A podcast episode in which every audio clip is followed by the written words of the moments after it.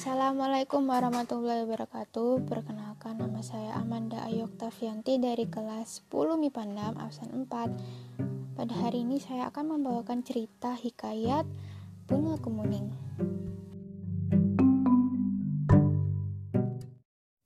Dulu kala terdapat seorang raja yang mempunyai 10 orang putri yang cantik-cantik. Si raja diketahui bagaikan raja yang bijaksana namun, dia sangat pada jadwal dengan kepemimpinannya. Sebab itu, dia tidak sanggup buat mendidik anak-anaknya. Istri si raja telah wafat kala melahirkan anaknya yang bungsu, sehingga anak si raja diurus oleh inang penjaga.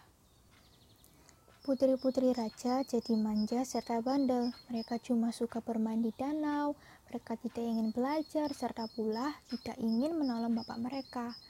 Pertengkaran kerap terjalin di antara mereka. Kesepuluh putri itu dinamai dengan nama-nama corak. Putri sulung bernama Putri Jambon, adik-adiknya dinamai Putri Jingga, Putri Nila, Putri Hijau, Putri Kelabu, Putri Orange, Putri Merah Merona, serta Putri Kuning. Pakaian yang mereka juga bercorak sama dengan nama mereka. Dengan begitu, si raja yang telah tua bisa mengidentifikasi mereka dari jauh. Walaupun kecantikan mereka nyaris sama, sang bungsu putri kuning sedikit berbeda. Dia tidak nampak manja serta bandel. Kebalikannya, dia senantiasa riang serta serta senyum ramah kepada siapa pun. Dia lebih suka bepergian dengan inang penjaga daripada dengan kakak-kakaknya. Pada suatu hari, Raja hendak berangkat jauh. Dia mengumpulkan seluruh putri-putrinya. Saya hendak berangkat jauh serta lama. Oleh-oleh apakah yang kamu mau? Tanya Raja. Saya ingin perhiasan yang mahal, kata Putri Jambon. Saya ingin kain sutra yang berkilau-kilau, kata Putri Jingga.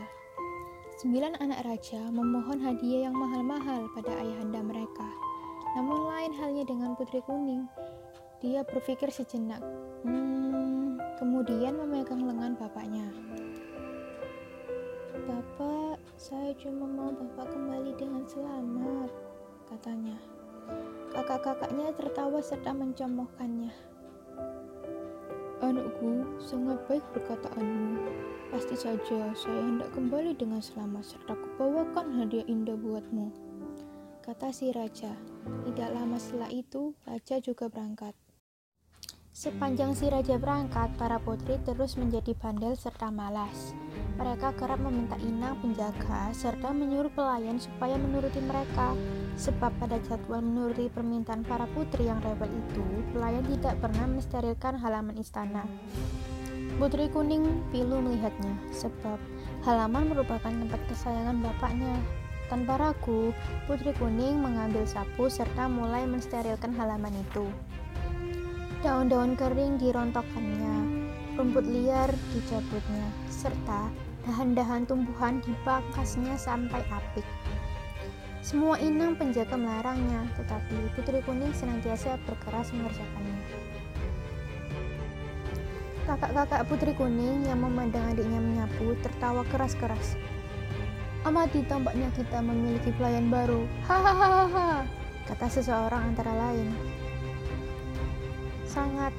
Hei pelayan, masih terdapat kotoran nih. Ucap seseorang yang lain sembari melemparkan sampah. Halaman istana yang telah apik kembali acak-acakan. Putri Kuning diam saja, serta menyapu sampah-sampah itu. Peristiwa tersebut terjalin berulang-ulang hingga Putri Kuning keletihan. Dalam hati, dia dapat merasakan penderitaan para pelayan yang dituntut mematuhi bermacam perintah kakak-kakaknya. Kamu ini sangat keterlaluan. Mestinya bapak tidak butuh mengantarkan apa-apa buat kamu. Bisanya cuma mengusik saja, kata Putri Kuning dengan marah. Telah ah, saya bosan. Kita mandi di danau saja, ajak Putri Nila. Mereka meninggalkan Putri Kuning seseorang diri. Begitulah yang terjalin tiap hari. Hingga bapak mereka kembali. Kala si raja datang di istana, kesembilan putrinya masih bermain di danau. Sedangkan Putri Kuning lagi merangkai bunga di teras istana. mengenali perihal itu, raja jadi sangat pilu. Anakku yang giat serta baik budi, ayahmu tidak sanggup berikan apa-apa, tidak hanya kalung batu hijau ini. Bukannya corak unik kesayanganmu, kata si raja. Raja memang telah mencari-cari kalung batu kuning di bermacam negara, tetapi barang itu tidak sempat ditemuinya. Sudahlah bapak, tidak kenapa. Batu hijau juga menawan, amati. Serasi benar dengan bajuku yang bercorak kuning, kata putri kuning dengan lemah lembut. Yang berarti bapak telah kembali. Hendak ku buatkan teh hangat buat bapak, ucapnya lagi. Kala putri kuning lagi membuat teh, kakak-kakaknya berdatangan. Mereka ribut mencari hadiah serta siling memamerkannya. Tidak terdapat yang, yang ingat pada putri kuning. Terlihat. Keesokan hari, Putri Hijau memandang Putri Kuning mengenakan kalung barunya. Wahai adikku, bagus benar kalungmu. Sepatutnya kalung itu jadi milikku. Sebab saya merupakan Putri Hijau, katanya dengan perasaan iri. Bapak memberikannya padaku, bukan kepadamu. Sahut Putri Kuning. Mencermatinya, Putri Hijau jadi marah. Dia lekas mencari saudara-saudaranya, serta mengasut mereka. Kalung itu milikku, tetapi dia mengambilnya dari saku bapak. Kita wajib mengajarnya berbuat baik, kata Putri Hijau. Mereka kemudian setuju buat merampas kalung itu. Tidak lama setelah itu, Putri Kuning timbul. Kakak-kakaknya menangkapnya serta memukul kepalanya. Tidak disangka, pukulan tersebut menimbulkan Putri Kuning wafat.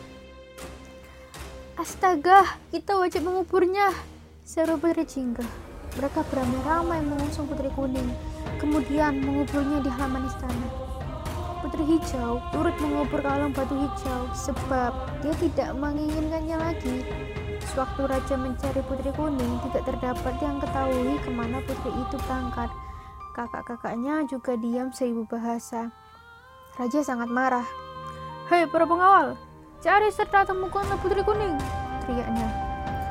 Pasti saja tidak terdapat yang dapat menciptakannya. Berhari-hari, berminggu-minggu, berbulan-bulan, tidak terdapat yang sukses mencarinya. Raja sangat pilu. Saya ini bapak yang kurang baik, katanya. Biarlah anak-anakku kukirim ke tempat jauh, buat belajar serta mengasah budi pekerti. Hingga dia juga mengirimkan putri-putrinya buat bersekolah di negara yang jauh. Raja sendiri kerap termenung-menung di halaman istana. Pilu memikirkan putri kuning yang lenyap tidak berbekas. Sesuatu hari, tumbuhlah suatu tumbuhan di atas kubur putri kuning. Si raja heran melihatnya. Tumbuhan apakah ini? Batangnya bagaikan jubah putri. Daunnya bundar berkilau bagai kalung batu hijau. Bunganya putih kekuningan serta sangat wangi. Tumbuhan ini mengingatkanku pada putri kuning. Baiklah, ku beri nama dia Kuning, kata raja dengan bahagia. Semenjak seperti itu, bunga kemuning memperoleh namanya. Apalagi bunga-bunga kemuning dapat digunakan buat mengharumkan rambut. Batangnya dipakai buat membuat kotak-kotak yang indah. Sebaliknya, kulit kayunya terbuat orang jadi bedak.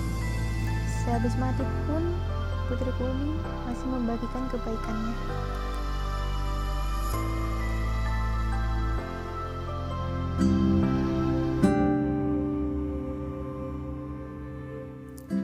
Sekian dari saya. Apabila ada kesalahan kata, mohon dimaafkan.